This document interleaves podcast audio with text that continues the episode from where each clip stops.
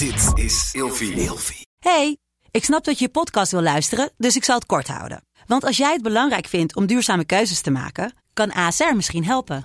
Nou hoor ik je denken, hoe dan? Nou, bijvoorbeeld bij het duurzaam herstellen van schade. Of de premies die we beleggen volgens ons duurzaam beleggingsbeleid. Dat bepaalt waar we wel en juist niet in investeren. Wil je meer weten over welke duurzame keuzes ASR maakt? Ga dan naar asr.nl slash duurzame keuzes. ASR doet het. Zo, dan kan je nu lekker naar je podcast luisteren. ik, of sowieso de politiek aan zich, dit nooit alleen kan veranderen. Eh, het is echt een nou ja, bijna een systeem, misschien wel een cultuursverandering die we moeten doorgaan. Ehm, want wat ik nu, wat het grote probleem is eigenlijk, is dat we dat de beeldvorming telkens meer de inhoud eh, domineert. En dat, dat wordt versterkt door social media en, het wordt, en, en, en de, ja, dat toch de mainstream me- media die daar probeert tegenaan te concurreren. Dus die proberen ook hip en kort en snel eh, te zijn. En dat wat waardeer ik dus heel erg aan podcasts. Want die doen eigenlijk tegenovergestelde. We gaan hier een uur praten over inhoud. Nou, dat, dat lukt eigenlijk nooit. Een tweet moet binnen 140 tekens moet ik een probleem hebben opgelost. Want anders leest niemand hem. Dat is het grote probleem. Mensen nemen de tijd niet meer om zich te verdiepen. En ehm, ehm, om soms uit hun bubbel te komen en soms een keer zichzelf af te vragen: ja, zou dat dan wel zo zijn?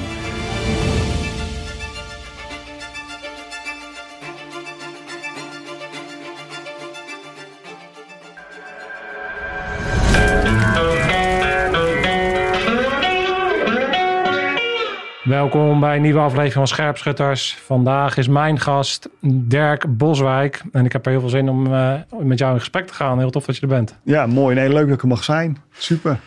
Voor de mensen die niet weten wie, eh, wie Dirk is. Jij bent Tweede Kamerlid, CDA. En verantwoordelijk voor de portefeuilles Defensie en Landbouw. Ja. En eh, ja, we kunnen wel raden voor welke portefeuille met name natuurlijk hier zit. Ik ben eh, geïnteresseerd in, eh, in het feit dat jij natuurlijk heel veel weet over Defensie. Ik zie je overal continu bij mensen op bezoek, bij de ene generaal en dan weer bij die eenheid. Dus eh, ik ben gewoon heel erg benieuwd ja, wat je allemaal meemaakt en hoe jij de dingen ziet. Ik denk dat wij daar veel van kunnen, kunnen leren. En het andere wat ik zie, en daar moest ik vanmorgen aan denken. Ik, zag je, ik volg jou op, ehm, op Instagram. Is dat je vanmorgen eh, het koude water in ging. En toen dacht ik, ja, jij, bent ook wel, jij hebt ook wel die rammersmentaliteit. Klopt dat?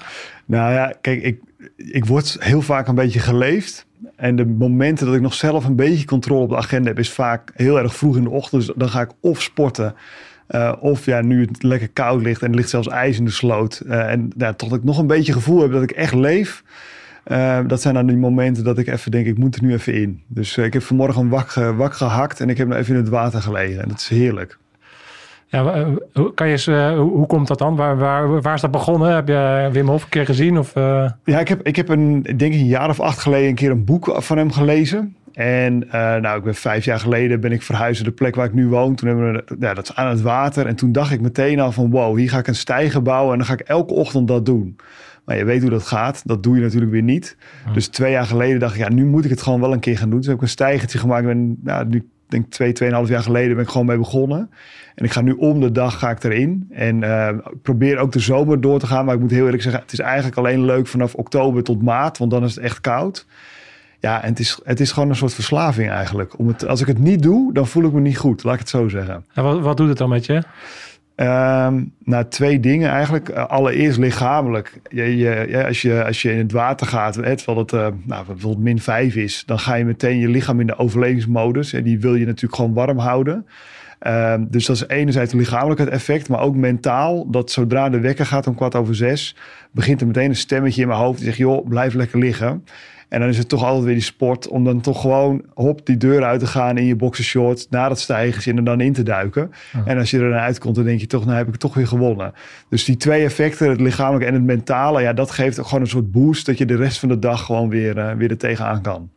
Ja, ik kan me dat wel goed voorstellen. Ja, ik, ik, ik moet zeggen dat het dan niet zo meteen direct heel positief klinkt als jij zegt van ja, ik word eigenlijk zo geleefd. Dus het is best wel een zware, zware job of zo hè, waar, je, waar je in zit, denk ik. Ehm, Even een kort bericht van mij tussendoor. Voel je ook dat je meer zou kunnen? Dat je als het er echt om gaat, je niet 100% levert? Dat je uitstelgedrag vertoont, niet eens begint of het niet afmaakt? Heb je meer last van stress dan dat het je vriend is? Presteren, vooral onder druk, is een vorm van meesterschap. Zo zien wij dat bij scherpschutters. Het is geen trucje, maar een keuze. Wij hebben de meest complete gids gebouwd die er bestaat op het gebied van presteren onder druk. Gebaseerd op 50 jaar ervaring in de frontlinies. Toepasbaar voor iedereen. Check www.scherpschutters.online voor meer informatie. Nu snel weer terug naar de podcast. Het is niet de leukste baan op de wereld. Nee. Nee, ik had hiervoor en ik uh, ben ik onder andere ondernemer geweest. En ja, dan heb je gewoon alle vrijheid uh, die, je, die, je, die je wil eigenlijk. Um, ja, dat is hier niet zo. Het is hier, hier heb je gewoon allereerst een cameraagenda. Dus als er morgen iets ontploft ergens, dan, dan gaat heel mijn agenda op zijn kop. En dan gaat mijn debat daar heel de dag over, of heel de week soms. Um, dan heb je nog alle, de beeldvorming die gewoon heel erg je leven bepaalt. Dus je moet heel erg opletten van hè, wat doe ik en wat voor effect heeft dat. Uh, dus het hele, uh, het, het hele vrije, onbevangen leven, dat is wel een beetje weg. Um, ja, plus dat, je, dat, dat het gewoon de portefeuilles die ik heb, Defensie, nou, die, die wilden overigens niet heel veel mensen hebben omdat er een jaar geleden, twee jaar geleden, nog niet zo heel veel speelde. Nou, inmiddels uh, weten we natuurlijk allemaal wat er in, Oekraïne gebeurt. Nou, wil iedereen dat heel graag hebben. Um, maar dat zorgt wel voor dat heel mijn agenda gewoon vol zit met, met vergaderingen, bezoeken, uh, werkbezoek ook in het buitenland. En ja, landbouw, daar valt onder andere ook stikstof onder. Nou daar hoef ik natuurlijk niks over te zeggen, want dat is ook wat het nieuws een beetje domineert. Dus ik, ik zou me zo in vieren kunnen opsplitsen en dan heb ik het nog druk. Um, dus dat zorgt er wel voor dat je wel echt wel geleefd wordt, ja. Maar ja. ja. Heb, je, heb jij meer, ja, ik noem dat dan rituelen. Of, wat gebruik jij om duurzaam en fit genoeg te zijn om in deze omstandigheden, ik noem dat altijd in het centrum van de storm zijn, als je een bepaalde high performer bent en uh, op een bepaalde manier uh, moet opereren, dan moet ja. je bepaalde dingen doen. Ja om dat te kunnen volhouden. Ja. Naast het ijsbad, wat doe jij? Ja, nee, ja dat is wat je zegt. Hè? Want mij, ik ben zelf best wel een chaot. En uh, de wereld waar ik in zit is chaotisch. En juist daarom is het heel erg belangrijk dat je, dat je bepaalde structuren hebt. Um, en onder andere een van, die, een van die punten is dus vroeg eruit gaan en dan om de dag het koude water in. En de andere dag ga ik vaak naar de sportschool toe, of eigenlijk altijd. Um, gewoon om even mijn hoofd leeg te maken, fysiek bezig te zijn. Um, als ik dat namelijk niet doe, dan, dan klopt mijn hele dag niet meer. Um, en dat zorgt er gewoon voor dat, ik, dat, ik, dat het mentaal op een rijtje... Als je, als je fysiek fit bent, dan ben je ook mentaal gewoon... kan je gewoon meer hebben. Dat, dat, dat, is, dat hoor je vaak. En denk je, wat een dooddoener. Maar dat is ook echt zo. Als ik het namelijk... Ik heb het wel eens, als je in het buitenland heb je als reizen... en dan ja, dan schiet het er gewoon bij in. Uh, dan ga je gewoon een keertje niet naar de sportschool toe. Maar dan merk je al na twee, drie dagen... denk je van ja, ik functioneer niet helemaal optimaal... zoals ik dat normaliter wel zou doen. Ja. Maar dan is het dus heel belangrijk dat je in je agenda gewoon momenten blokt. En, en ook tegen iedereen zegt, blijf er met je fikken vanaf... En dat zijn gewoon de momenten dat je even een stukje wil gaan hardlopen. Of dat je uh, s ochtends even tijd wil hebben om, om even wat dingen te kunnen lezen. En, en, en soms juist heel erg even uh, ja, buiten die bubbel moet gaan komen. Dus ook wel eens werkbezoeken die ik echt inplan om juist bijvoorbeeld bij een eenheid te gaan kijken. Of juist in, voor landbouw bijvoorbeeld bij een boer te gaan kijken. Joh, wat maak jij nu mee? Als je dat niet doet, dan ga je helemaal op in de, in de, in de waan van de dag. En dan word je echt geleefd. En dan, ja, dan is jouw wereld eigenlijk de papieren wereld die Den Haag uh, toch voor een groot deel is. En dat is wel, denk ik, de grootste valkuil waar je in kan komen. Ja, 100 procent. Ik herken dat ook vanuit de leidinggevende rollen die ik heb gehad. Als je, als je niet uitkijkt, dan ben je alleen maar uh, op je kantoor. En dan ben je alleen ja. maar dingen aan het schuiven en aan het doen. Terwijl uiteindelijk waar het om gaat, is dat je die mannen aanstuurt. Precies. En als je nooit uh, meegaat op training of je gaat uh, dat, dat, dat, dat spanningsveld vanuit een leidinggevende rol, maar dus ook vanuit jouw rol hoor ik. Ja. Is gewoon super belangrijk dat je die prioriteiten blijft stellen. Ja. En wat ik benieuwd ben, is ik hoor jou zeggen: Oké, okay, ik doe dus een aantal dingen om mezelf fit en fysiek te houden. Eén ding die, wat me ook moeilijk lijkt is hoe hou je de balans qua werk en ontspanning? Hoe ontspan jij? Um, nou ja, kijk, die, de, de, de, het sporten is voor mij ontspanning. Um, en wat voor mij ook ontspanning is, is gewoon momenten met mijn gezin thuis zijn. Um, dus wat ik, dat ik doe is, ik, ik probeer zoveel als mogelijk echt de, de zaterdag en de, en de zondag gewoon echt vrij te houden. Nou, zaterdag lukt, niet altijd, want je hebt altijd nog wel een keer een werkbezoek. Zondag is voor mij wel echt een dag dat ik ook weinig social media doe. Um, omdat ja, daar kan je ook helemaal uh, door worden geleefd. En de, zondag is ook voor mij echt wel een dag dat ik gewoon met een goed boek thuis te vinden ben. Eh, dat zijn echt de momenten. En dan ja, meestal maandagochtend breng ik de, de kids naar school. En dan begint het hele gekke huis tot vrijdagavond laat ongeveer. Ja, Ja. ja. dat, is, dat is hoe het is. Weet je wat ik nou mooi vond? Want ik, ja, ik moest ook een beetje lachen toen je aankwam lopen. En toen dacht ik, ja, ik, ik- ja ik, er komt een Kamerlid en ik ben inmiddels wel, weet je, ik heb dat toch nog een beetje mee, denk ik, vanuit mijn defensieachtergrond en een bepaald respect. Dus ik heb me goed, eh, goed aangekleed op een bepaalde manier. En ik moest zo lachen dat, dat toen jij aankwam lopen, dacht ja, ergens wist ik ook wel dat jij dat zou doen. Omdat, eh, omdat ja, je loopt natuurlijk eigenlijk altijd al op een bepaalde manier natuurlijk een soort circus act op te voeren in een bepaalde zin, hè, in dat hele Tweede Kamer gebeuren. Ja. Terwijl als ik naar jou kijk, en ik ken jij helemaal niet, maar ik schat dan vaak toch op een bepaalde manier mensen snel in. Denk ja, ergens ben je ook een soort van de gewone man. En dat bedoel ik niet negatief, ik bedoel het op een positieve manier. Ja. Waarop ik denk, van, ja, je bent gewoon een kerel die het MBO heeft gedaan, die hard kan werken, die ondernemer is geweest, die, eh, ja, die zijn gezinnetje heeft, die bepaalde belangrijke zaken heeft, als het ja, bouwstenen zoals het gezin, weet je wel, wat Ja. centraal staat Ja. Ja, dan, is dan ben ik benieuwd van, eh, klopt dat? Ben jij gewoon die, die gewone man en hoe, zie, of hoe kijk jij daarnaar? Ehm, nou ja, het eerlijkheid gebied te zeggen dat, dat ik had net een, een afspraak ehm, bij, eh, bij een bedrijf, een van de grootste bedrijven van Nederland. Ehm, en daar was ik netjes in, in pak en stropdas. En ik heb me net in de regen hier buiten op de parkeerplaats even omgekleed. Want ik dacht, ik moet me aankleden naar de situatie waar ik ben. En ik, ik kijk natuurlijk vaak jullie podcast. En dan zitten er altijd mensen, ja, toch een, trui en, en niet altijd het jasje dasje. Dus ik dacht, nou laat ik me eens even aanpassen. Maar goed, dus alle, alle waardering dat jij hebt aangepast aan mij en, en ik dus eigenlijk dacht ik aan jou. Ehm, maar ben ik die normale man? Ja, weet je, ik, ik, ik vind dat moeilijk om dat te zeggen. Ik vind dat ik gewoon normaal ben. Eh, Ik ben gewoon eh, Dirk Boswijk van inderdaad het mbo. En ik stink ook gewoon op de wc. En ja, toevallig ben ik een Kamerlid.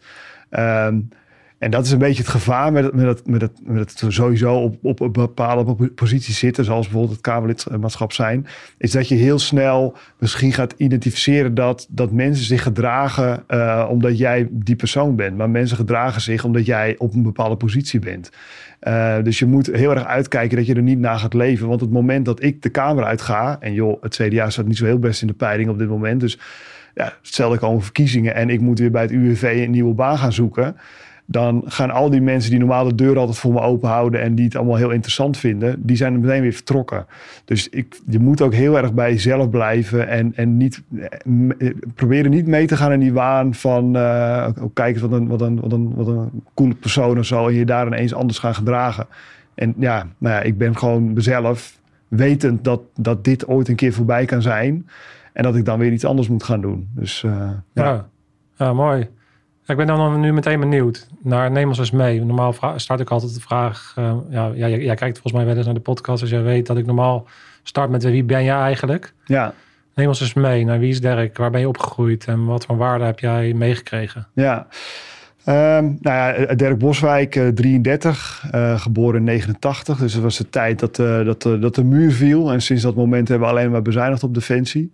Ehm, ik ben ehm, ja, opgegroeid in gewoon een normaal gezin. Mijn vader was, eh, was, eh, was eh, eh, werkzaam in het bedrijfsleven. Mijn moeder was eh, ja, voor een groot deel fulltime moeder. Werkte s'avonds, eh had een eigen bedrijfje. Nou, altijd wel opgevoed met, joh, gewoon gaan werken en niet zeuren.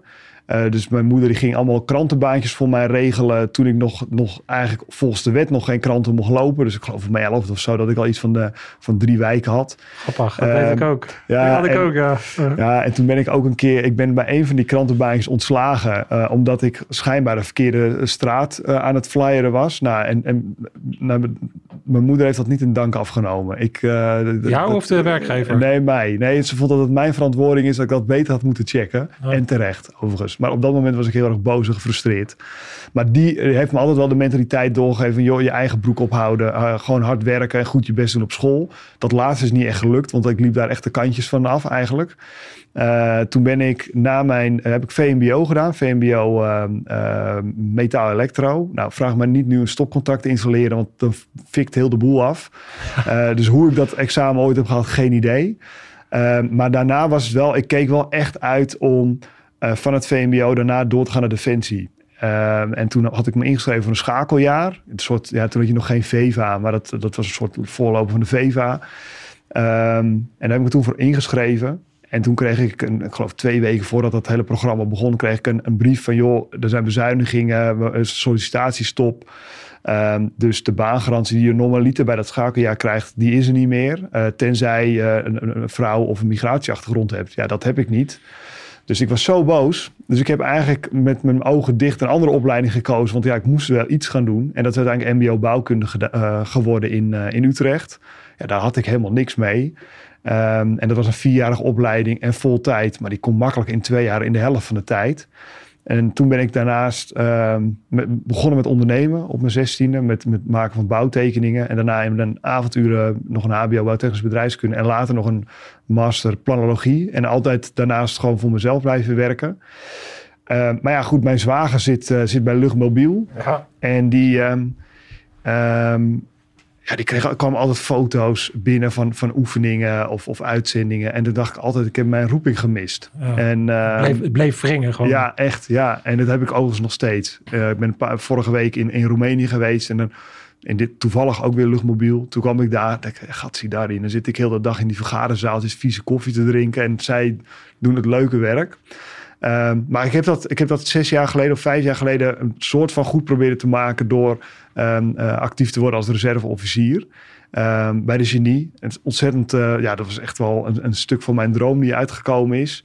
Ehm, maar ja, toen kwam ineens het Kamerlidmaatschap bij mij op het, pad. Waren mensen die zeiden, joh, wij zouden heel graag zien dat jij voor het CDA de Tweede Kamer ingaat. Omdat jij die, nou ja, die doorloop hebt gemaakt. Als je naar de Tweede Kamer kijkt, 98% van, van de mensen die daar zitten is, is hoog opgeleid. Mag je tegenwoordig niet meer zeggen, maar eh, dus eh, hogeschool, universitair. Ja, terwijl het grootste gedeelte van Nederland is, is gewoon praktisch geschoold, hè, is, is MBO. En we zien dat dat zorgt voor een kloof tussen wat er in, in Den Haag gebeurt en wat er in de samenleving gebeurt. En, en wij denken dat, dat, natuurlijk niet in mijn eentje, maar dat jij er wel wij kan helpen, in ieder geval binnen het CDA, om die, die kloof wat meer te dichten. Omdat jij al die stappen hebt gezet in, eh, in het onderwijs.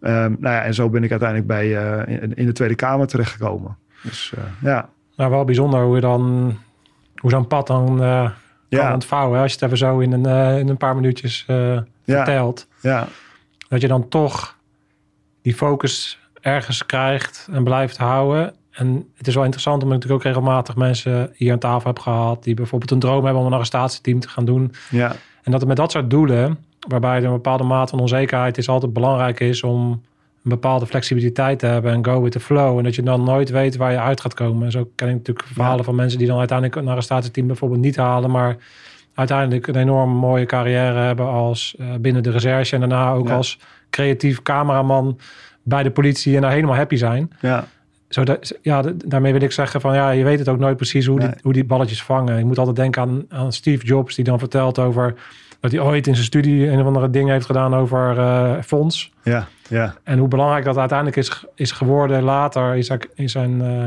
ja. in zijn bedrijf.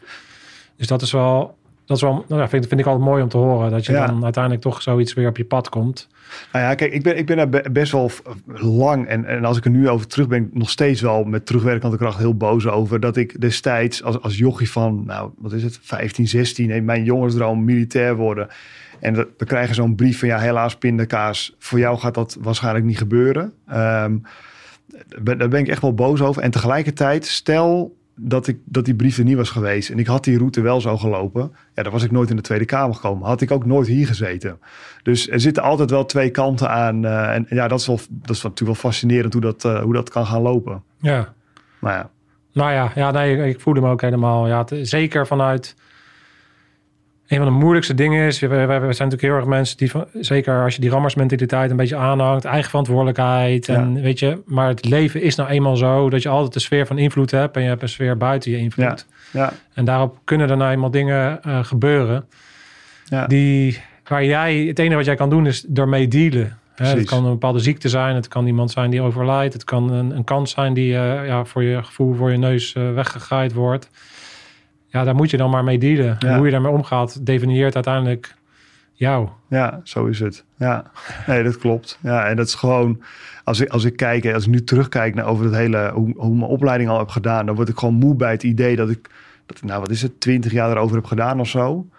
Maar op zo'n moment als je ermee bezig bent, heb je gewoon in je hoofd van, oké, ik, ik ga en ik zal een master halen. Maar volgende week heb ik eerst nog een vak statistiek en daar moet ik bijles. Dus het is echt stapje voor stapje voor stapje. En elke keer ja, gewoon, gewoon knallen. En dan heb je het weer gehaald. En dan uiteindelijk kom je er. Alleen ja, het gaat niet altijd lineair. Het gaat altijd wel met, met setbacks enzovoort. Maar uiteindelijk ja, het is wel, is wel mooi dat het lukt. Ja. Hey, vertel eens even, want ja, je vertelde al een mooie trip uh, dat je ook naar buitenland gaat en dat je bij ja. langskomt. Kan je het ons meenemen? Jij bent, okay, jij, jij, krijgt de kans en je bent verantwoordelijk voor Defensie. En, dat vind ik natuurlijk, ja, jij komt overal en je spreekt allemaal mensen. Ja. Vertel eens even wat over, hoe kijk je naar Defensie? Nou, um, toen ik twee jaar geleden, of bijna twee jaar geleden, Kamerlid werd, toen was de wereld echt totaal anders dan dat die nu is. Uh, mijn eerste toespraak die ik in april uh, 2021 hield in de Tweede Kamer, ging over het nut en noodzaak van het hebben van een sterke krijgsmacht. En één ding die ik daaraan koppelde was onder andere het voldoen aan die 2% NAVO-norm. Ja, nu klinkt het heel erg logisch dat we dat, dat we dat allemaal belangrijk vinden, maar de realiteit is en was dat een groot deel in de Tweede Kamer dat, dat nog helemaal niet zag. Sterker nog, ik geloof twee weken voordat de invasie in Oekraïne plaatsvond, uh, toen waren er zelf nog partijen die zeiden: joh, we kunnen wel uh, eh, 2 miljard minder uit gaan geven aan defensie. Um, dus ik ben, toen ik in de Kamer kwam, was, ik, was ik wel vanaf het begin af aan meteen over die, het belang van, van onze krijgsmacht om onze wereld veilig te houden. Um, nou, de, eerste, uh, wat is het, acht maanden zijn we natuurlijk bezig geweest met een formatie. Dat is onderhandeling geweest tussen de VVD, D66, de ChristenUnie en, en mijn partij, het CDA. En ja, daar hebben we bij die onderhandeling echt zitten knokken om, om daar geld bij te krijgen. En de, de opkoos zeiden toen van, joh, willen wij Defensie houden zoals het nu is? Ehm, dan moeten 4 miljard bij. Nou, toen met heel veel pijn en moeite hebben we er uiteindelijk 3 miljard bij gekregen. Dus dat is toch 1 miljard te weinig.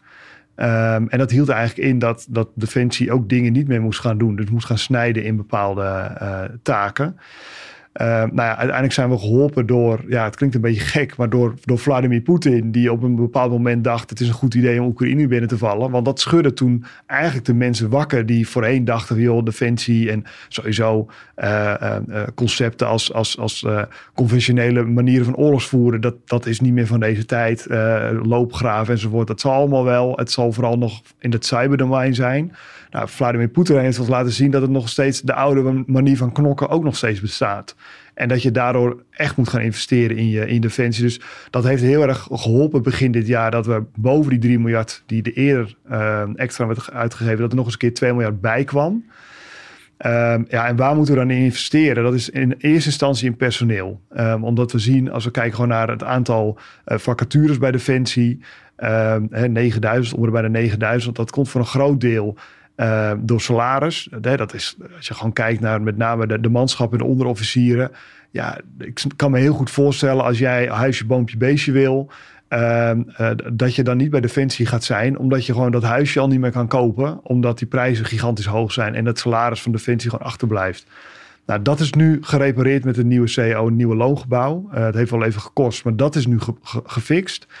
Ja, en dan het tweede, om, om mensen gemotiveerd te houden, om, om, uh, om, om militairen uh, uh, aan te trekken, is toch missies en inzetgebieden. En, en dat, ik heb wel eens hele discussies met, met collega's van de SP, die geloven daar helemaal niet in. En dan zeg ja, maar joh, wij hebben missies niet alleen nodig om, om een bepaalde impact ergens te creëren, om een land veilig te, te houden of wat dan ook. Uh, dat, is, dat is belangrijk, dat is één reden. Maar de tweede reden waarom wij uh, missies moeten draaien, is ook om, om, om de, de, de, de manschappen ook gemotiveerd te houden. Als ik nu zie, als ik de, de, de commandanten nu spreek, waarom loopt jouw eenheid leeg? En, en, dan hoor ik, ja, dat, ze gaan naar de politie toe, want dan hebben ze de hele dag een inzet. En bij ons gaan we een keertje naar de VS toe of naar Duitsland. Maar ja, als je dat vijf keer hebt gedaan, dan haak je ook een keer. Je gaat ook een keertje voor het echi natuurlijk. Uh, dus, dus naast salaris, naast inzet is dat echt, echt heel hard nodig om, uh, om, om de, de mannen uh, en vrouwen gemotiveerd te houden.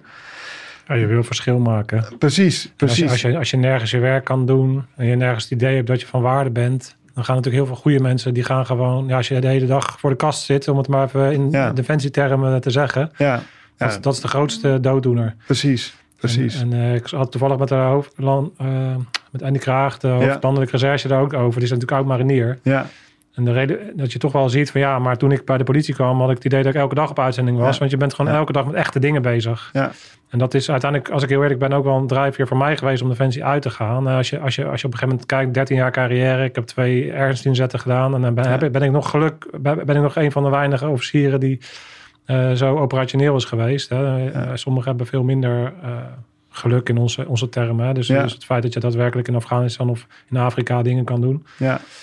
Ja, als je dat wegneemt. En, en het betekent niet dat je maar dingen moet gaan doen om dingen te doen. Nee, je wil natuurlijk daadwerkelijk. Het moet, wel, gewoon, het, het moet inderdaad wel een zijn. effect hebben. Maar ik, ik merk nu vaak dat, dat ehm, ja, toch een soort terughoudendheid is. Want ja, wij willen niet, niet eh, onze, het Nederlandse mannen en vrouwen eh, kwetsbaar, op, kwetsbaar in de situatie brengen. Dus laten we het maar niet doen. Terwijl dat juist die mannen en vrouwen denken, ja, potverdorie. Ik heb voor dit, voor dit werk gekozen omdat ik inderdaad het verschil wil maken. En, en nu krijg ik die kans niet. Nou ja, dan ga ik wel iets anders doen. Dus die, die, die combinatie is echt wel echt nodig.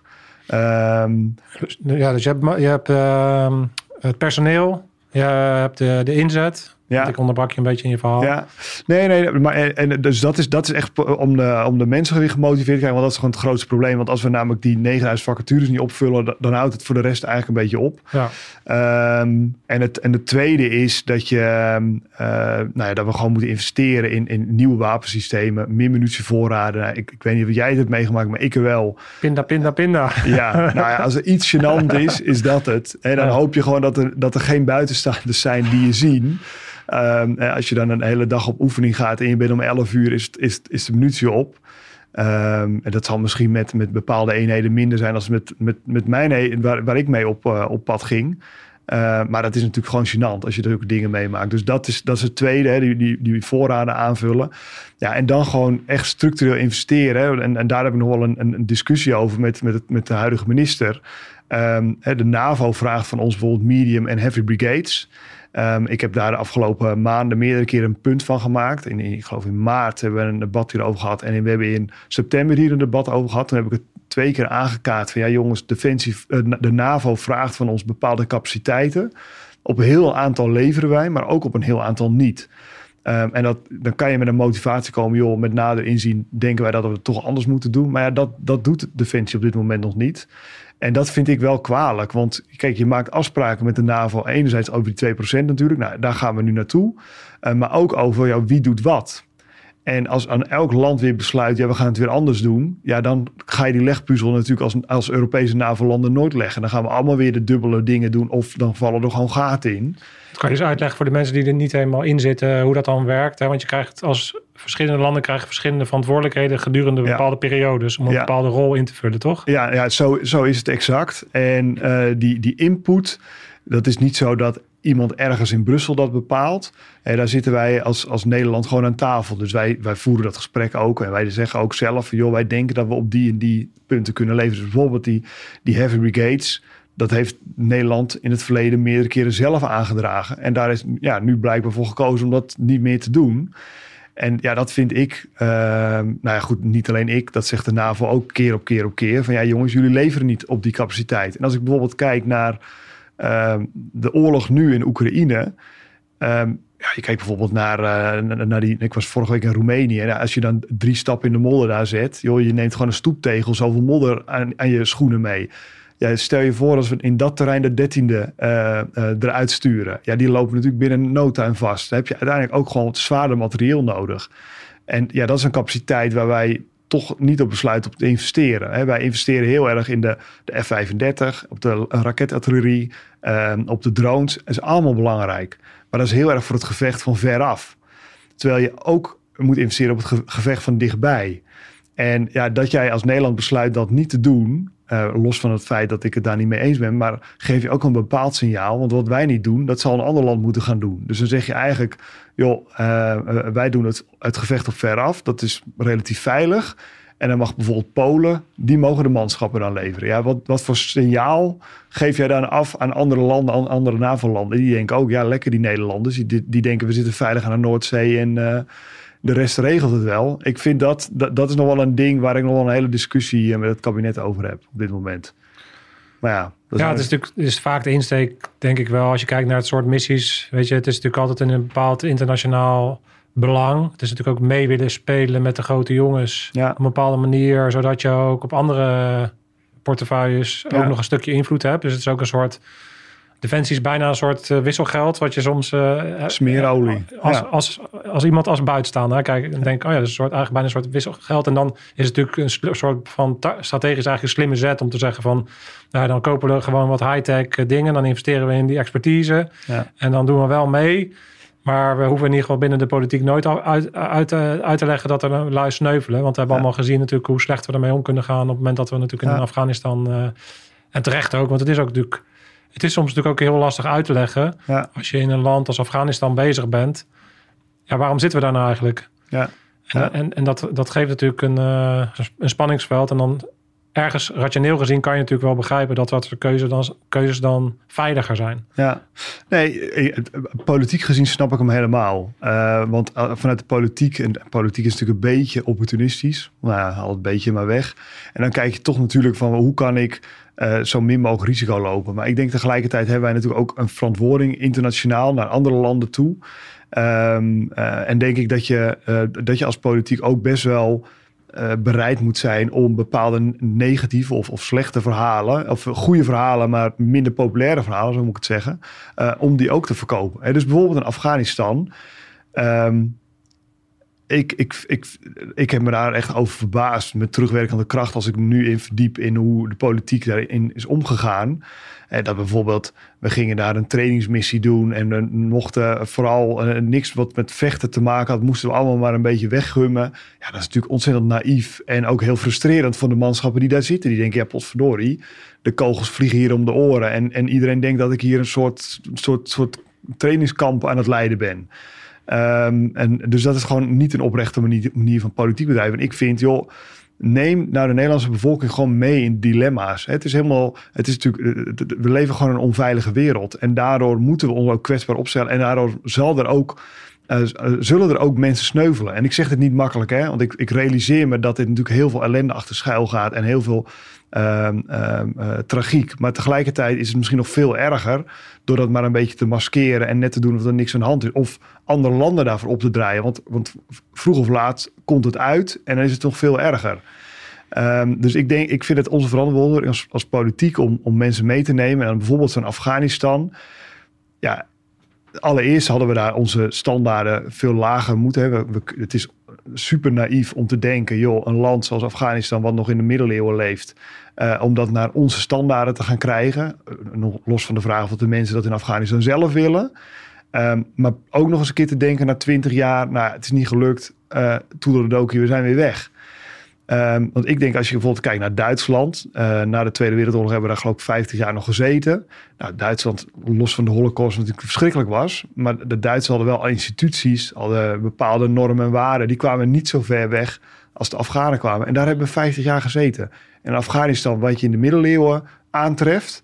Denk je na 20 jaar, nou, dat gaan we nu helemaal hierheen. En nou, dat lukt niet. Nou, dan gaan we maar weer weg. Ja, dat dan denk ik, joh, Stel die standaarden bij. Accepteer de, de imperfecties die Afghanistan kent vanuit ons perspectief.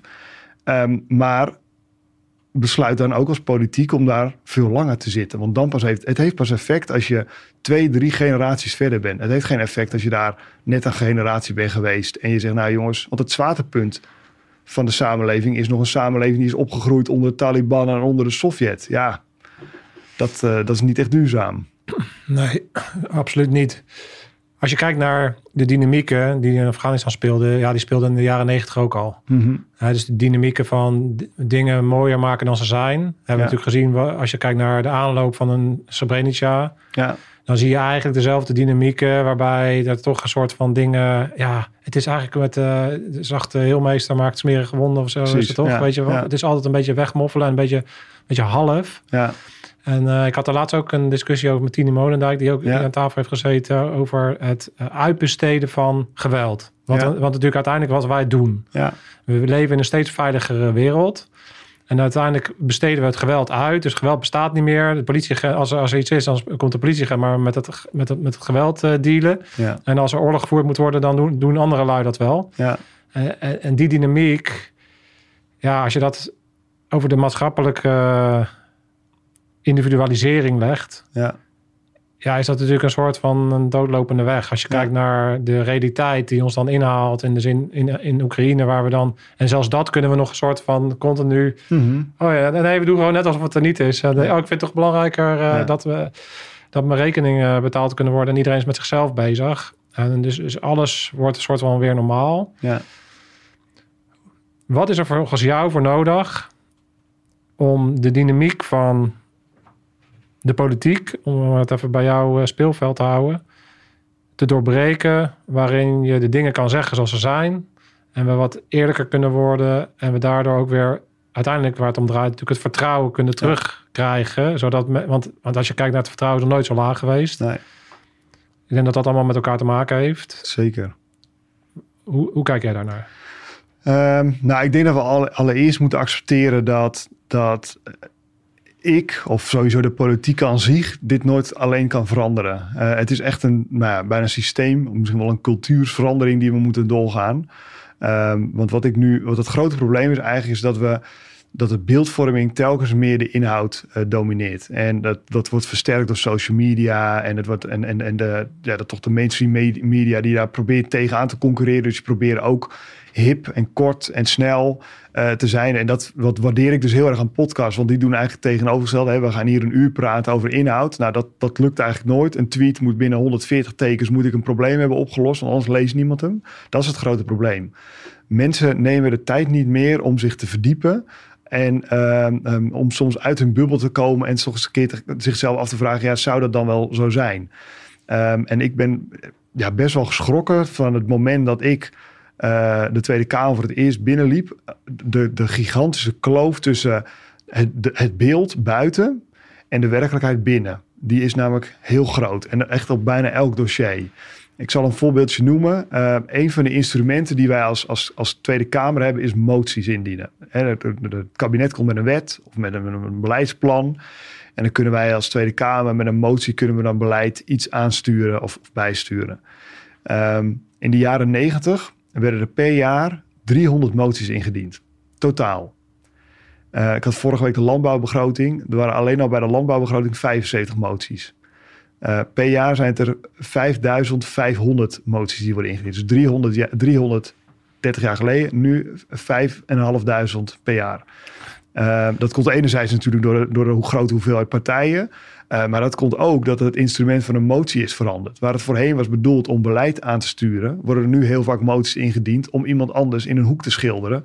Om dan tegen de buitenwereld te zeggen: Oh, kijk eens wat een eikel, wat hij nou weer doet. En ik heb dat bijvoorbeeld een keer gehad op, landbouw, dus landbouwportefeuille. Werd er een motie ingediend. eh, halvering van de veestapel mag geen kabinetsbeleid meer zijn. Nou, halvering van de veestapel ligt natuurlijk binnen het CDA behoorlijk gevoelig. En toen ging ik naar diegene toe. Ik zeg, joh, maar halvering van de veestapel, dat is helemaal geen kabinetsbeleid. Eh, een of andere badgast kan dat elke dag wel roepen dat hij dat wil. Eh, maar dat maakt het niet meteen kabinetsbeleid. Dus ik zeg, ja, die, dat, die titel van die motie is gewoon feitelijk onjuist. Dus ik kan daar niet voor stemmen. Ik zeg, maar ja, als ik tegen die motie stem, Dan sta je op LinkedIn en eh, weet ik het overal. dan zeggen ze van ja, ho eens even, hij wil die Boswijk wel stiekem wel halveren. Dus of ik nou eh, tegen of voorstem, ik zit sowieso klem. Want als ik voorstem, dan zeg ik eigenlijk de afgelopen vier jaar hebben we het stiekem wel gedaan. Als ik tegenstem, dan zeg ik nou, halvering is geen probleem. Ik zeg, joh, dien die motie nou niet in. Want eh, dit zorgt alleen maar weer voor onrust. En alle boeren stemmen heb jij al lang. Dus doe dit gewoon niet. Nee, maar zo gaan we dat natuurlijk niet doen. En het is een belangrijke motie. Bladina. Echt een halve dag nadat die motie was aangenomen, zat de print screen in alle. Want ik zit in allerlei boeren-appgroepjes. eh incognito. En binnen no zit dan al die boeren-appgroepjes de print screen van die stemming van die motie. En dan zag je al die bolletjes van, ja, wat heeft het CDA gestemd? En dan zie je halvering van de veestapel mag geen kabinetsbeleid meer zijn. Daar stem ik dus tegen. En het werd dus uitgelegd, en zie je wel, het CDA wil de veestapel halveren. Wat helemaal niet zo is. Ja, het is, Ja, weet je, en dit is maar één voorbeeld. ja, ja. Ehm, maar en dit is dus waar de hele, dit gaat de hele dag op alle onderwerpen. We- Weet je wat? Ik had het laatst met iemand daarover. En eh, dan hadden we het over een beetje over de oude politiek. Ja, En dit is typisch weer zo'n voorbeeld. Van hij kwam met een hele scherpe analyse. En daar ben ik over nagedacht. Ik denk, Ja, daar ben ik het wel mee eens. Is dat als je, als je het grootste verschil tussen de politiek, hoe die, hoe die, hoe- waar ik mee ben opgegroeid, weet je, Ja. de kok en eh, de Ja. eind jaren negentig, eh, weet je wel, de- eh, en nu, ik, ik heb- zeg niet altijd alles vroeger beter, maar wat, er, wat het grote verschil was, was dat ondanks dat er altijd ook verschillen waren, verschillende belangen, moeilijke eh, dossiers ook waren, was dat er inhoudelijke kennis was en dat er altijd ook, ho- hoewel ze tegenover elkaar stonden, dat uiteindelijk, als het er echt om ging, Ja. dat de basishouding was, uiteindelijk willen we de compromis vinden en willen we er samen uitkomen. Ja. En als je nu kijkt naar de politiek, dan staat iedereen tegenover elkaar. Worden de problemen worden uitvergroot, waardoor Ja. de afstand groter wordt. En die problemen worden uitvergroot om jou er beter uit te laten komen. Dus je bent alleen maar elkaar zwart aan het maken Ja. Om er zelf beter uit te komen. Maar uiteindelijk de bottom line is eigenlijk dat het één grote shitshow is geworden. Ja, ik, ja, beter kan ik het niet samenvatten, maar dat is exact wat er gebeurt. En dat wordt versterkt door.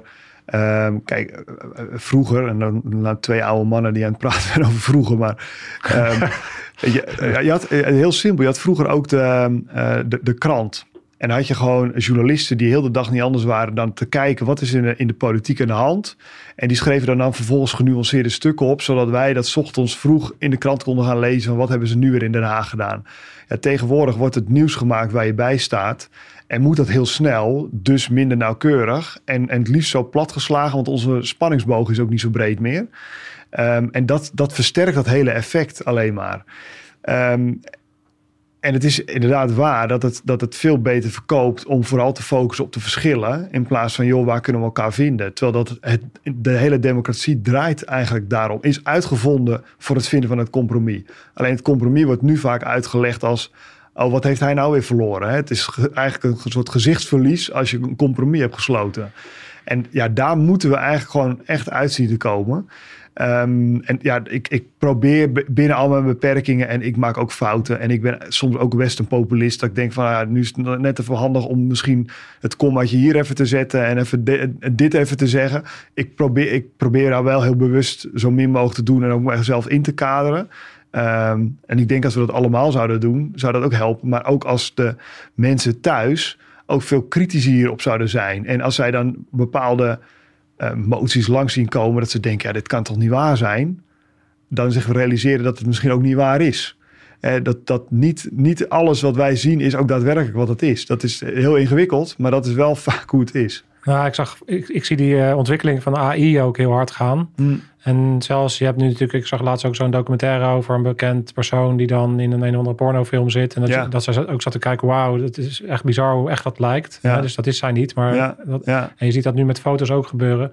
Dus het pad waar we op zitten, dat wordt alleen maar erger. ja, En de basishouding moet zijn: niets wat je ziet is wat het lijkt. Ja. Hè, dus je moet, eh, je moet altijd je oordeel uitstellen. ja, En meer gaan kijken naar wat zit erachter. precies. Wat kan ik ervan leren? Van welke bronnen komen de dingen? Dus er komt veel meer verantwoordelijkheid bij de mensen. Ja.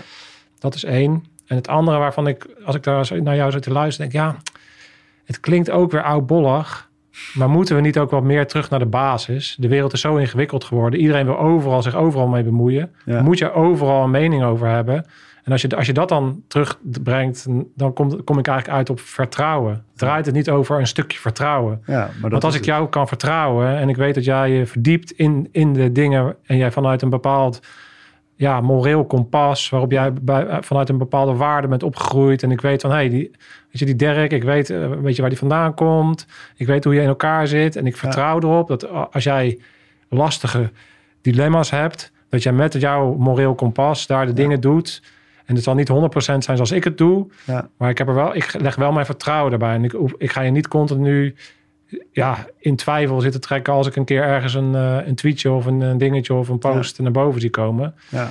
Ik, ja, ik, heb toch, ik ben toch benieuwd hoe we daarin een, ja, weer een wereld kunnen creëren die wat meer gebouwd wordt op hoe kunnen we samen verder komen ja.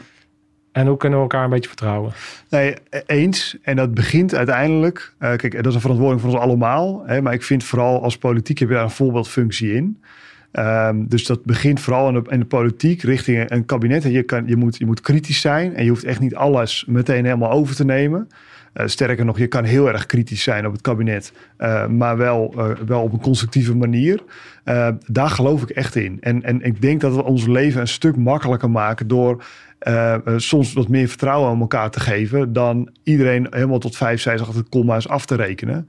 Um, en, en vertrouwen geven betekent ook dat je accepteert dat wij als mensen ook wel eens fouten maken. En nu zie ik namelijk dat we in, de, in, de, in Den Haag vooral een hele erge afrekencultuur hebben gemaakt. Dus oh wee, als jij een fout maakt, um, uh, dan zaag je meteen bij de enkels af. Wat als gevolg heeft dat heel veel ja, bewindspersonen bijvoorbeeld niks meer durven te doen. En dat ambtenaren alleen maar druk zijn met risico's afdekken, waardoor we uiteindelijk geen stap verder komen.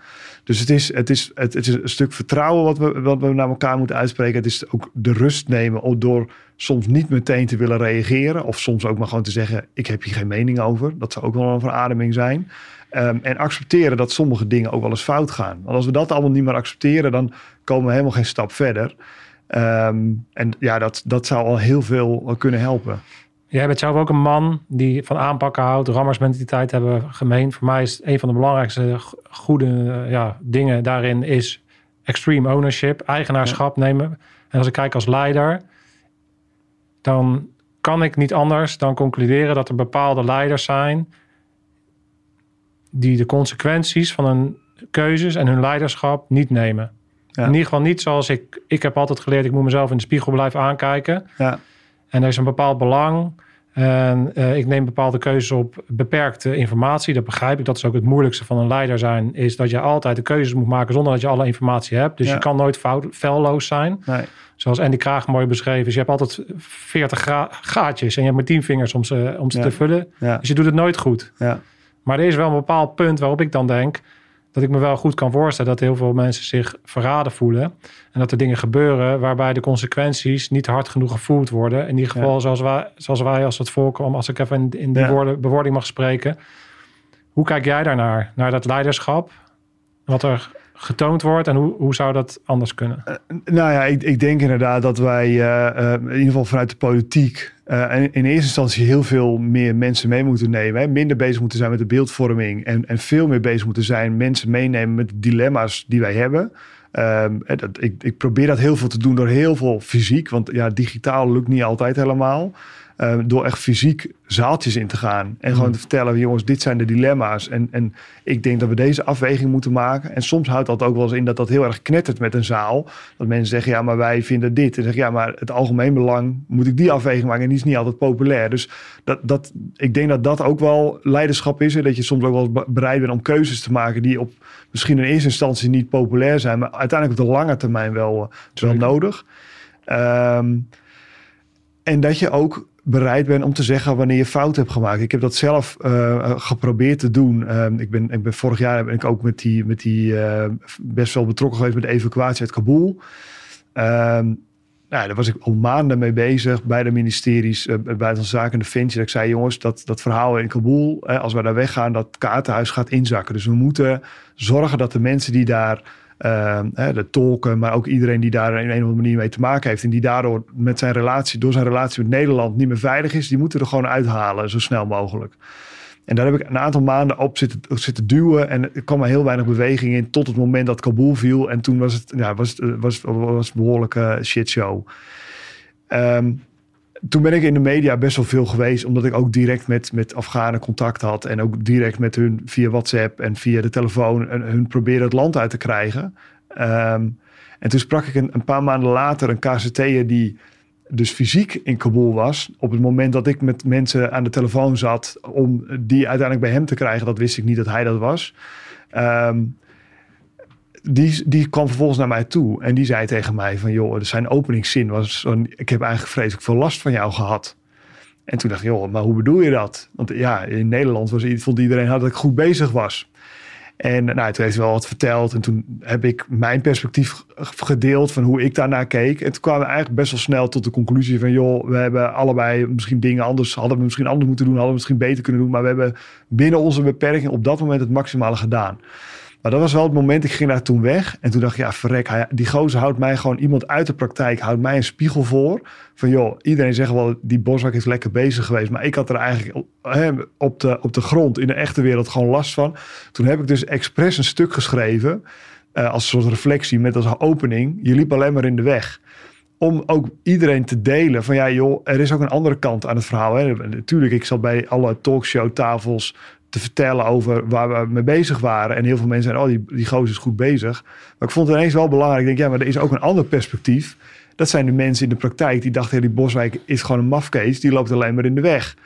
En ik vond het toen juist belangrijk. Ik denk, nou, dit vind ik een mooi haakje om gewoon te laten zien. Ik denk dat, dit, dat, dat we dit veel meer moeten laten zien. Dus daar heb ik wel expres een stuk over geschreven. Ik denk, nou ja, er zat ook nog, er zat ook nog een andere kant aan dat verhaal. Ja. En uh, je, wil niet weten, dat is misschien wel het stuk waar ik het meest positieve feedback op heb gehad. Dus ook hier, uh, uh, joh, als je een keer fout maakt, wees daar gewoon open over. Uiteindelijk loont het alleen maar en je, we leren er allemaal van. Ja, dat is ook extra, exact een principe natuurlijk vanuit extreme ownership. Is dat je, het gaat er niet om dat er fout, dingen fout gaan. Het gaat er ook om uiteindelijk ben je bereid om verantwoordelijkheid te nemen voor alles wat in jouw battlefield afspeelt. In dit ja. geval was dan die, die KZR jouw battlefield, want dat had ja. met elkaar te maken. Een ander principe wat daarna voorkomt is het leading up and down the chain. Hè? Mm -hmm. Het is natuurlijk altijd makkelijk om naar boven te kijken en denken, hey, die klootzak die liep in de weg. En tegelijkertijd heeft er dus, doordat jullie daarna hebben ge, ge, gedebriefd, ontstaat er ook weer een bepaalde ja, um, kennis over, over jouw werkveld en jij van hem, wat ja. jullie nog niet hadden. En daardoor komt er ook weer meer begrip. Ja. Wat, wat weer een ervaring is die voor een andere situaties weer kan transferen. Ja. Waardoor je de volgende keer beter equipped bent om zo'n situatie te, daarmee te dealen. Om de volgende keer zou jij misschien denken, hey shit, ik, ik moet een betere informatiepositie hebben vanuit de mensen die daar zitten. En dan kan ik al Precies. eerder die lijntjes gaan leggen. Precies. En zoals je op die manier namelijk met elkaar omgaat, en je dus dat, dat leading up en down chain. Dus hij komt naar boven en hij zegt, hey, uh, je liep in de weg. En je zegt, oh, what, what about? Wat, ja. uh, vertel eens. Ja.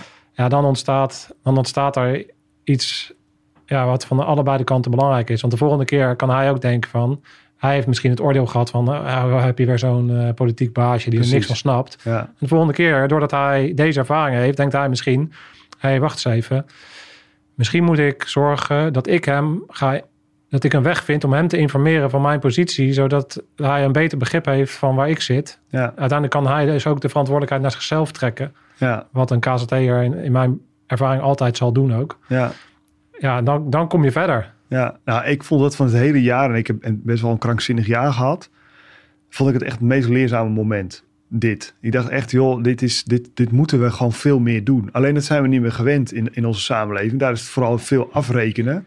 En als ik dan op iemand anders kan gaan staan, dan, is het, dan word ik er beter van. Maar ja, zo werkt dat dus uiteindelijk niet.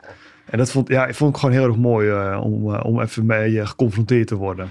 Ja, het is, je zit eigenlijk in een soort splagaat. Ja. Want, want wat, wat je eigenlijk zegt is van ja, je moet dus een ruimte creëren waarin fouten gemaakt kunnen worden. En je ook kwetsbaar eigenlijk naar jezelf kan kijken, met een bepaalde zelfreflectie moet kunnen komen. Ja. En kan gaan zeggen van oké, okay, dit is er misgegaan, dit is hoe ik het de volgende keer beter ga doen.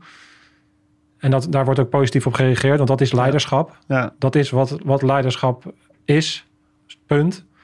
Maar tegelijkertijd hebben we een systeem gecreëerd waarbij iedereen bang is om fouten te maken. Want ja. je wordt continu afgerekend op ja. je fout. Elke fout wordt uitvergroot en wordt, ja, je wordt weer daarop afgerekend. Ja, klopt. Dus daar, ja, hoe ga je daar godsnaam nou... Uh...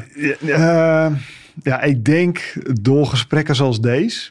En uh, er zijn natuurlijk alweer duizenden mensen die dit zo meteen gaan horen. En als al die mensen op elke bijeenkomst dat zij zijn, dit perspectief mee gaan geven, of in ieder geval vanuit dit perspectief ook gaan, gaan kijken en, en, en werken, dan kan het uiteindelijk een olievlek worden. Want ik merk namelijk breed in de samenleving dat iedereen een beetje klaar is met, met dit klimaat. Met dat, met dat destructieve, alles moet kapot. Uh, uh, ja, een beetje wat we ook in de Tweede Kamer zien. Als je maar hard genoeg de ander best, dan haal je de meeste likes. Ik denk dat iedereen wel ergens voelt van ja, dit is niet helemaal de weg waar we allemaal beter van gaan worden. Dus ik, mijn hoop is door veel van zulke gesprekken dat telkens meer mensen dat dat zaadje geplant wordt tussen de oren. Want uiteindelijk, weet je, ik kan het niet vanuit Den Haag in mijn eentje. Net zoals jij het niet in je eentje kan. We moeten het met z'n allen doen. Um, dus nou ja, laten we daar uh, gewoon mee gaan beginnen. En dan ben ik uiteindelijk wel hoopvol dat er gewoon een nieuwe generatie, niet cynische generatie, uh, weer, weer opgroeit uh, hiermee. Ja, dat lijkt me ook mooi. Ja. Laten we daar, ja, dus ik hoop, ik hoop 100% dat we daaraan kunnen bijdragen. Het is natuurlijk altijd te gek. Ik noem dat altijd een bepaalde disruptive vermogen. Ja. Ik denk dat de mainstream media vastzit in verdienmodellen, in snelheid. In, en wat ik wel interessant vind om te zien, is dat door de technologische ontwikkelingen, die soms natuurlijk negatief zijn, maar Ja. soms ook heel positief zijn, Ja. kan ik hier een studio neerzetten die daar 10, Ja. 20 jaar geleden drie ton had gekost en die ik never nooit niet zelf had te kunnen neerzetten. Ja, En daardoor kan ik toch zenden. Krijg ik iemand zoals jij, kan ik aan tafel, kan Ja. ik kunnen we gewoon een uur praten. Ik heb geen zendtijd, het kost me niks, al- Ja. al zijn we tien uur aan het praten. En, dat, en dat- zie je natuurlijk wel meer. En ik denk dat dat ook wel gaaf is. eh, Ja. Als we dan kunnen kijken, oké, misschien... Ik denk dat die chaîne journalistiek en, en die hele media... daar kan al het een en ander veranderen. zeker. Eh, in, de, in de politiek, in, de- in hoe de mensen zelf zijn. En dan als we dan met elkaar weer gewoon... met een bepaalde houding weer elkaar weten te vinden Ja, en een bepaald gemeenschappelijk belang hebben. Ja, ik moest. Ik, eh, Argentinië heeft natuurlijk net gewonnen. Als je dan ziet, dan denk je, wat een. Als je die straten zag van die gasten, oké, één zo'n hoe dat dan weer iets samenbrengt en dan een hele natie gewoon eh, één naam aan het schalken is en iedereen met elkaar aan het feest is. Ja, eenheid kan bestaat nog, wel- Ja. nog steeds. zeker. En, zeker. ehm, ja, nu is dat de voetbal en dan is dat heel, heel, heel iets positiefs. Ehm, maar ja, ik denk dat wij als, als we dan nu in allerlei crisis van crisis naar crisis gaan, laten we elkaar wat meer vinden. Laten we weer meer in de oplossingen gaan zitten. exact. En kijken, oké, wat we- want we hebben heel veel dingen goed gedaan namelijk. We hebben in het meest succesvolle experiment gezeten ooit op het gebied van vrede, denk ik, in, de, in Europa Ja, in de afgelopen 80 jaar. Daarin beginnen allerlei kraken nu te komen. Er Ja. beginnen, we zitten aan het einde van het systeem. Ik denk dat het heel ingewikkeld is dat de macht, de ongekozen macht in Europa, nu zo'n zo'n enorme invloed begint te krijgen. En dat wij allemaal het gevoel hebben, ja, maar ik kan niet eens meer, ik heb geen invloed meer op mijn directe Ja. omgeving. ja, Dus we, we moeten kijken, oké, welke bewegingen zijn er allemaal? En hoe kunnen we weer sommige teru- dingen terugbrengen naar een bepaalde basis? ja. Waarop we gewoon weer menselijk zijn en niet allemaal eh, digitaal. Nee, je moet af en toe moet je elkaar gewoon in de ogen kunnen kijken. En moet je die spanning even kunnen vinden. En dan eh, op die manier verder te komen. ja, ja. Dus Eens. hey, ehm, als we dan naar Defensie kijken. Jij hebt, je hebt daar, je hebt daar rondge- rondgelopen. En eh, we zitten in een, eh, een van de meest uitdagende tijden. Jij zei het al, iedereen had nu deze portefeuille willen hebben. Jij Ja, zit daar. ja, ja. Jij, jij kan nu eh, daar de dingen doen. Jij kan daar ja, van invloed zijn, van, van betekenis zijn.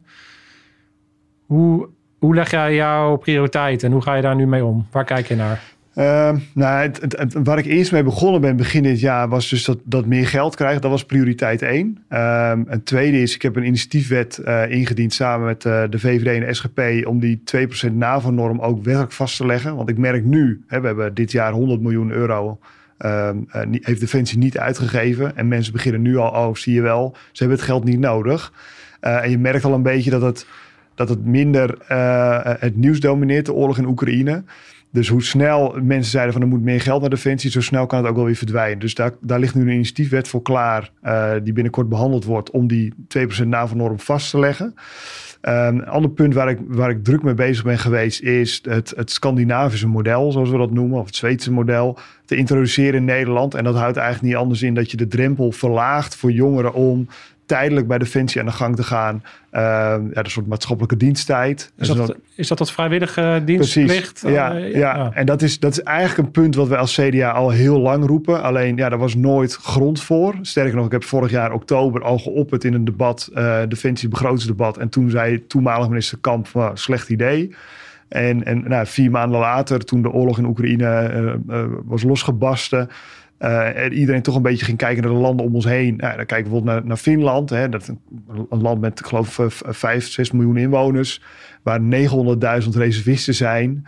Ja, dat eh, geeft even aan van hoe de mindset in zo'n samenleving is. En dat wij als Nederland veel meer moeten gaan kijken... hoe kunnen wij onze hele samenleving weerbaar krijgen. Ehm, en als er, als, er, als er echt nood aan een man is... hoe kunnen wij zorgen dat we onze krijgsmacht kunnen opschalen? Ehm, nou, en een van die manieren is, is, vind ik wel interessant... is dat, dat Scandinavische model... ehm, waar, je, waar je actief jongeren gaat, gaat bereiken... en, en ehm, eh, uitnodigen om bij Defensie te komen werken... voor bijvoorbeeld een jaar. De tij, een jaar. En als ze dat hebben gedaan, dat ze dan bijvoorbeeld een plusje op hun cv krijgen... mochten ze voor een andere overheidsorganisatie gaan werken. En we zien namelijk dat in, in die Scandinavische landen het gewoon een succes is. Hè, dat heel veel jongeren na dat jaar ook gewoon blijven hangen... en zelfs uiteindelijk ook beroeps worden.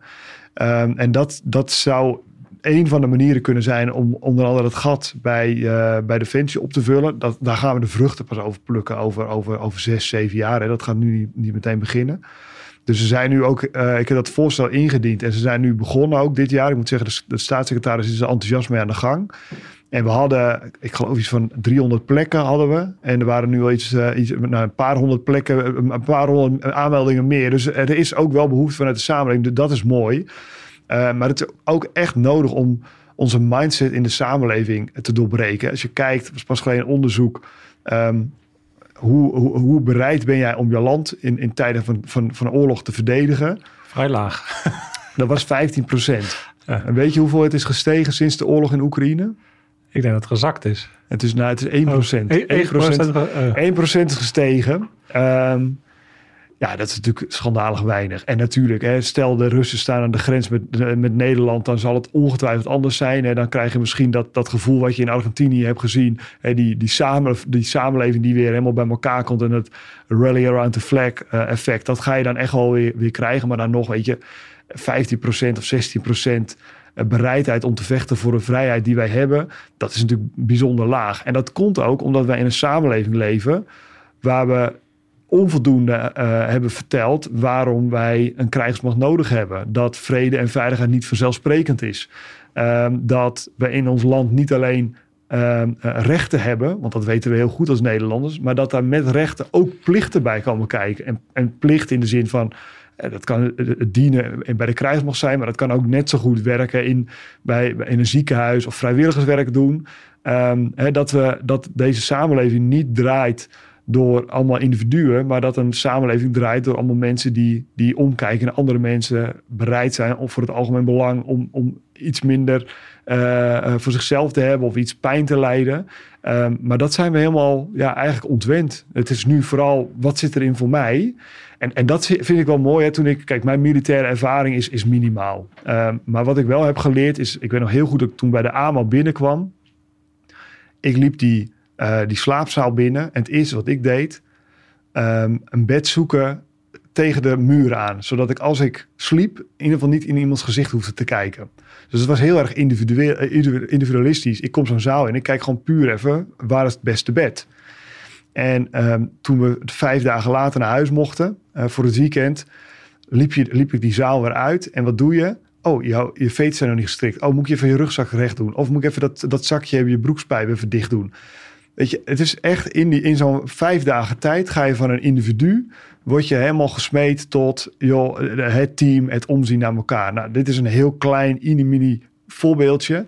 Maar dit is wat je in de samenleving wil. En dat kan zo'n uh, maatschappelijke diensttijd, wat je in Scandinavië. Het zou natuurlijk mooi zijn als je zo hè, generaties lang uiteindelijk kan gaan opleiden. Zodat het uiteindelijk gewoon in ons DNA tussen onze oren zit dat, je, uh, ja, dat, dat onze hele burgermaatschappij daar ook profijt van gaat krijgen. Dat, dat is uiteindelijk waar het naartoe moet. En, en daar ligt op dit moment mijn focus. Ja, want je kan, jij zegt ja, hoe, hoe, hoe we moeten beter vertellen hoe het belangrijk is dat we het hebben. Maar uiteindelijk, ja, vertellen kun je tot, tot je een ons weegt. Uiteindelijk moeten mensen, meer mensen de urgentie voelen. Ja. En een van de manieren kan natuurlijk zijn door die wereld te leren kennen. Ook doordat ze dan meer beeld krijgen ja, dat er veel mensen zijn die het wellicht wat minder goed hebben. En uh, dat je daar een bepaalde bijdrage kan leveren. Ja. Ik denk uiteindelijk, ja, mensen moeten meer die betrokkenheid gaan voelen. In plaats van alleen maar te horen krijgen, je, je moet betrokkenheid hebben. Ja, ik denk... Nou ja, kijk, Nederland is natuurlijk gewoon een aangeharkt tuintje vergeleken met de hele wereld. Ja, dat is natuurlijk, weet je, als je, als je, hoe groot is de kans dat jij geboren wordt? Hè, we hebben inmiddels 8 miljard inwoners. Hoe groot is de kans dat je geboren wordt in een land zoals Nederland.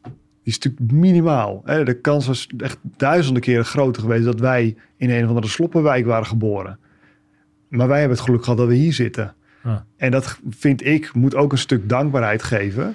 En voor die dankbaarheid ook Um, uh, het offer, hè, tussen aanhalingstekens, want kijk, een, een, een, militair geeft een groot offer dan iemand die misschien vrijwilligerswerk uh, doet, maar dat we geven allemaal en doen we iets met ons wat met ons kunnen, doen we een bijdrage om dat aangeharkte tuintje zo te krijgen uh, en te behouden. Dat is uiteindelijk waar het om draait. Alleen dat besef dat wij in een aangeharkt tuintje zitten, dat hebben we, nou, dat hebben we gewoon niet. We zitten alleen maar te zeiken op alles wat fout is. En ik denk dat stukje dankbaarheid en besef, uh, ja, dat zal heel veel helpen. Nou, maar kan, ik heb misschien een vertekend beeld. Maar ik weet dat er hier ja, 20.000 rammers zijn die regelmatig kijken en uh, soms meer. ik weet dat daar genoeg mensen zitten met dezelfde mindset, met dezelfde wil om iets te betekenen. Ja, De mensen zijn er wel. Dus het, het, het, het is gewoon een kwestie van eh, dat het inderdaad een vuurtje is, wat je Ja. weer kan doorgeven. Want degene die dat heeft en die weer kinderen krijgt en die het gaat over, over het doorgeven van bepaalde waarden. En, Zeker. En eh, ja, ik denk dat als we op die manier gewoon positief blijven, blijven rammen, voorwaarts blijven gaan, dat er natuurlijk mooie, mooie dingen kunnen ontstaan. Wat ik mooi vind dan, ik ken toevallig dan eh Noordam, de, Erik Noordam, die dat Ja. eh, project volgens mij leidt eh, vanuit Defensie. Dat is ook zo'n, wat ik, mooi- ja, ik zat met, hij was mijn allereerste aanspreekpunt toen ik met de trein naar, de, naar Den Helder ging. Toen zat er een of andere gast met een bal in zijn keel die zo, zo praat. Een mooie, super mooie kerel. En was, hij was mijn eerste aanspreekpunt toen. En eh, we hebben eigenlijk altijd contact gehouden. Ook al ben ik al zeven jaar weg bij Defensie. ja, En ik kwam hem laatst weer eh, tegen. Toen hoorde ik dat hij, allemaal, dat, dat hij dus onder andere hiermee bezig is. Dan ja, jij bent echt de perfecte persoon. Want hij is een soort van... Hij heeft dat innovatieve vermogen ook om verder te kijken dan Defensie. ja, Want sommige mensen binnen Defensie hebben heel erg dat ja, soort van gated community. hè, Heel erg eh, blik binnenwaarts. Want ik denk dat zo'n eh, vrijwillig dienstjaar heel erg innovatief is voor Defensie. zeker. Van, van, van eh, meerdere kanten. Ehm, dus ik hoop dat dat, eh, dat dat een heel erg mooi project gaat worden. En dat het heel goed van de grond gaat, gaat komen. En dat ja, daar heb je de juiste mensen op de juiste plek voor nodig om dat eh, waar te maken. Dus ik ben heel erg benieuwd hoe dat gaat lopen. Ik blijf dat ook eh, volgen. Ehm alright, we gaan zo een beetje richting afsluiting. Maar wat ik nog even toch benieuwd ben, is jij gaf aan, ja, de, de aandacht op de Oekraïne, die lijkt een beetje weg te hebben. Ik denk dat dat verneukeratief is. ja, Ik zie, ik haal ook mijn, mijn belangrijkste intel vanuit de non, eh, ja, hoe zeg je dat, non-conventionele bronnen. ja, En dan krijg je toch hele andere berichten. Waarop natuurlijk ehm, ja, de, de winter eraan komt. Waarop het risico van de bevoorrading, bijvoorbeeld het afsluiten van de grens naar Polen, kan betekenen. Hè, dat als de Russen daarvoor te, eh, voor, voor kiezen, Mhm. strategisch gezien. En zo zijn er nog een aantal zaken waarvan ik denk van nou, ik denk dat we het einde nog niet eh, in zicht hebben. Ehm, hoe ben jij daarmee bezig? En eh, kan je daar iets vanuit jouw positie over zeggen? Van ja, dit, dit is waar onze focus ligt. Vanuit Defensie en vanuit onze positie als Nederland. ja. Nou ja, kijk, wij, wij, kunnen ons eigenlijk niet veroorloven dat, ehm, dat, dat Oekraïne verliest. Ehm, dat is, ehm, want we, je, we weten gewoon als, als Oekraïne eh, verliest, voor Rusland houdt het niet op. Het, het, het, het gaat ook over de geloofwaardigheid van de westerse normen en waarden die wij hebben. Eh, maar goed, dat is heel makkelijk gezegd. Want het feit is dat we natuurlijk, willen we, willen we Oekraïne aan de gang houden, ehm, dan moet je heel veel spullen sturen. En de realiteit is dat wij eh, ja, in, in, in Nederland, dat we de aardig de bodem beginnen te zien. Eh, dat ook zelfs landen zoals een, VS eh, ook echt alles alles moeten zetten om, om, dat, om die trein te laten gaan. Het, het voordeel wel is dat we weten dat het in, in Rusland hetzelfde is. Hè, dat Rusland zijn voorraden vanuit uit Noord-Korea moet gaan halen. Dat is niet een, echt een teken van, van luxe. Ehm, en we zien wel dat Oekraïne de laatste maanden natuurlijk echt best wel wat progressie heeft gemaakt. Ook best wel ehm, nou, spectaculaire stappen en ook strategisch spectaculaire stappen hebben gezet. Echt wel, wel petje af en ook wel hoe, hoe zij leren. Het is echt, nou, ik heb militairen in, in, het, in het Verenigd Koninkrijk ontmoet die daar, hè, Oekraïnse militairen, die daar worden opgeleid door Nederlandse militairen. Ja, als je de Nederlandse instructeurs ook, ook spreekt, en dat zijn mensen die al meerdere eh, jaren rondjes draaien, die, ja, die zijn echt onder de indruk van de drive die zij hebben. Ehm, dus dat uitzicht natuurlijk ook op het, op het, op het slagveld van die, van die Oekraïners. Ehm, maar ik ben niet heel optimistisch dat dit, dat, dit heel, dat dit korte termijn is. Dit gaat echt nog wel even duren, vrees ik, helaas. Ja, En- war bij proxy. En als je, als je, als je dan kijkt Ja. naar jouw diplomatieke hart. Want uiteindelijk denk ik, weet je wat ik heel erg heb? Ik denk, ja, als je, als je dan één ding hebt waar we vanuit nature, denk ik, goed in waren, Ja, dan is het diplomatie. ja, En dan denk ik, ja, oorlog is uiteindelijk natuurlijk alleen maar een middel uiteindelijk om lui aan tafel te krijgen. ja, Maar ik heb dan heel erg het gevoel dat de agenda daarin heel erg gestuurd wordt door de VS. Ja. En dat daar totaal geen wil is vanuit Biden. Ja. Hoe, hoe, hoe zijn jullie daarmee bezig vanuit de diplomatieke aanpak? Ja, nou ja, kijk, bij de, de diplomatie moet je natuurlijk wel, moet het van twee kanten komen. Ehm, en, en ik, ik denk, hè, er oorlog of vrede zijn? Die keus ligt uiteindelijk bij de Oekraïnse bevolking. Eh, uiteindelijk is het hun land, is het hun, hun in- integriteit. Ik vind uiteindelijk die keus moet je, moet je daar laten. Ehm was natuurlijk wel een tijdje geleden wat signalen dat, dat, Rus, dat eh, de VS tegen, eh, tegen Oekraïne had gezegd: joh, misschien wordt het wel eens een keer tijd dat jullie wel aan tafel gaan. Ehm, mijn verwachting is alleen dat, dat vanuit Rusland ehm, voorlopig, of er zijn tot nu toe nog geen serieuze pogingen geweest om ook daadwerkelijk aan tafel te komen. Ehm, omdat het ook voor, voor Poetin buitengewoon moeilijk is. Hè, Kijk, Poetin moet een soort way out hebben om hier nog uit te kunnen komen. Maar elke dag dat dit langer doorduurt en elke dag dat er meer civiele ehm, eh, doelen worden gebombardeerd, hoe moeilijker het voor hem gaat worden om een stap terug te doen. Want een stap terug, hè, ze zeggen bijvoorbeeld naar Oekraïne, ehm, ehm, we willen graag om tafel en we willen eh, vredesbesprekingen. Dat kan ook een teken van zwakte zijn. Ja, de vraag is of hij een way-out zoekt. Ik denk dat hij helemaal geen way-out zoekt. Ik denk Ik dat hij ook wil winnen. Ik denk, In de nou, zin ik- van wil winnen, dat hij wil, hij wil natuurlijk ook gewoon nou ja, dat uiteindelijk... klopt. Om, omdat hij, hij, hij, hij heeft eigenlijk geen way out meer. Eh, want als hij namelijk ehm, eh, gaat zeggen van joh, het is goed zo en we gaan om tafel. Nou, ik denk dat Oekraïne niet anders meer gaat accepteren van wij willen ons hele grondgebied weer terug. Wat ik overigens vanuit Oekraïns perspectief heel goed begrijp. Ehm, maar dat is natuurlijk niet te verkopen in een Rusland met tienduizenden slachtoffers. En, en, en, en, en eigenlijk de belofte aan de bevolking: we gaan Oekraïne bevrijden en, en weer binnen onze eigen invloedssferen brengen. Dus ik zie het heel somber in. Ik zie de diplomatieke route op dit moment, eh, los van wat de VS wil, ik zie hem niet, gewoon niet gebeuren. En Hmm. ik denk heel erg gezegd, eh, helaas, eh, ik zie ook nog niet gebeuren dat, dat Oekraïne Rusland op korte termijn op het slagveld verslaat. Want die geluiden hoor je ook. Maar die voorraden van Rusland zijn enorm. En die Russische mentaliteit overigens net dezelfde als de Oekraïnse mentaliteit. De Russen hebben twee keer hun hele land in de fik gestoken. In 1812 toen de Fransen het geprobeerd hebben.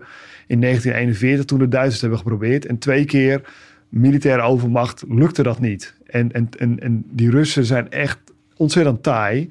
En dat zorgt er denk ik voor dat we dit conflict nog wel heel, heel lang gaan zien, helaas. Dat kan zomaar misschien nog wel jaren gaan duren.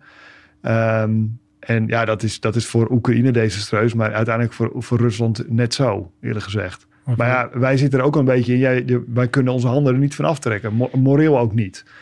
Ehm, dus ik verwacht dat dit nog wel heel lang, eh, nog wel heel lang zijn, zijn, eh, ja, zijn impact gaat hebben op onze samenleving. Ja, Helaas. daar ben ik ook bang voor, ja. Ja, en ondertussen, eh, China gaat natuurlijk gewoon verder.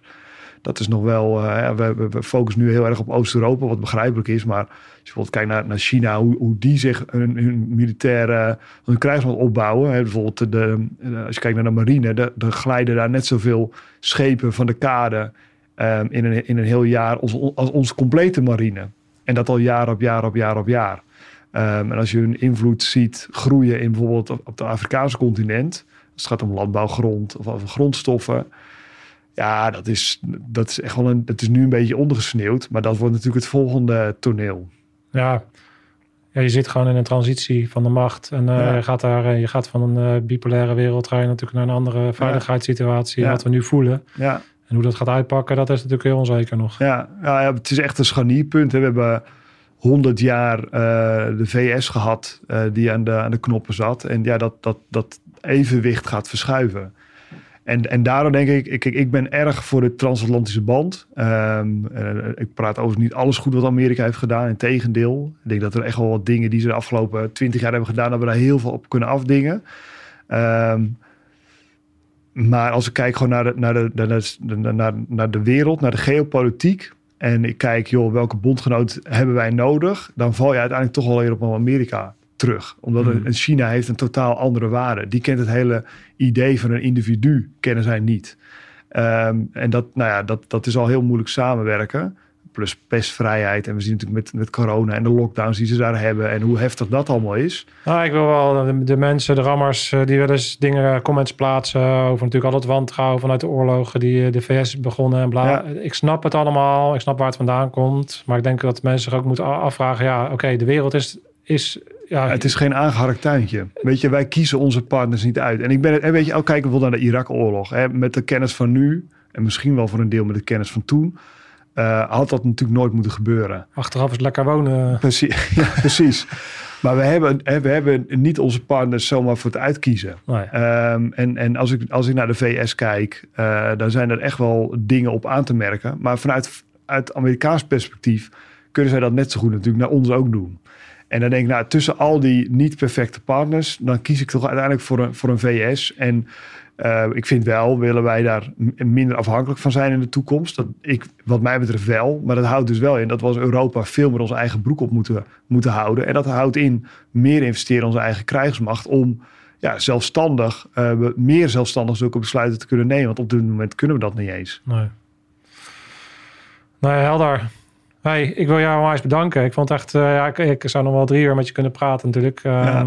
Ik vond het echt heel gaaf eh, dat je je verhaal zo open en eerlijk en gewoon inderdaad man op man, eh, ja, dat, dat waardeer ik. Ja, nou, dankjewel. wederzijds. Dankjewel, man. Ja. Dus eh, ja, je hebt een uitdagende agenda, zowel op allebei, op allerlei de, de, de port- portefeuilles waar je op zit.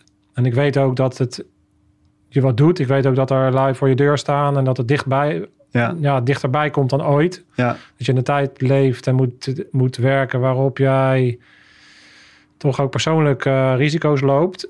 Ehm, dat doen wij als militairen ook. Dus daarin eh, voel je, kan je ook gewoon eh, op dit moment een beetje scharen zoals wij dat ook wel eens voelen. Hoewel het voor jou misschien nog wel erg is omdat het dan gaat over je gezin. ja.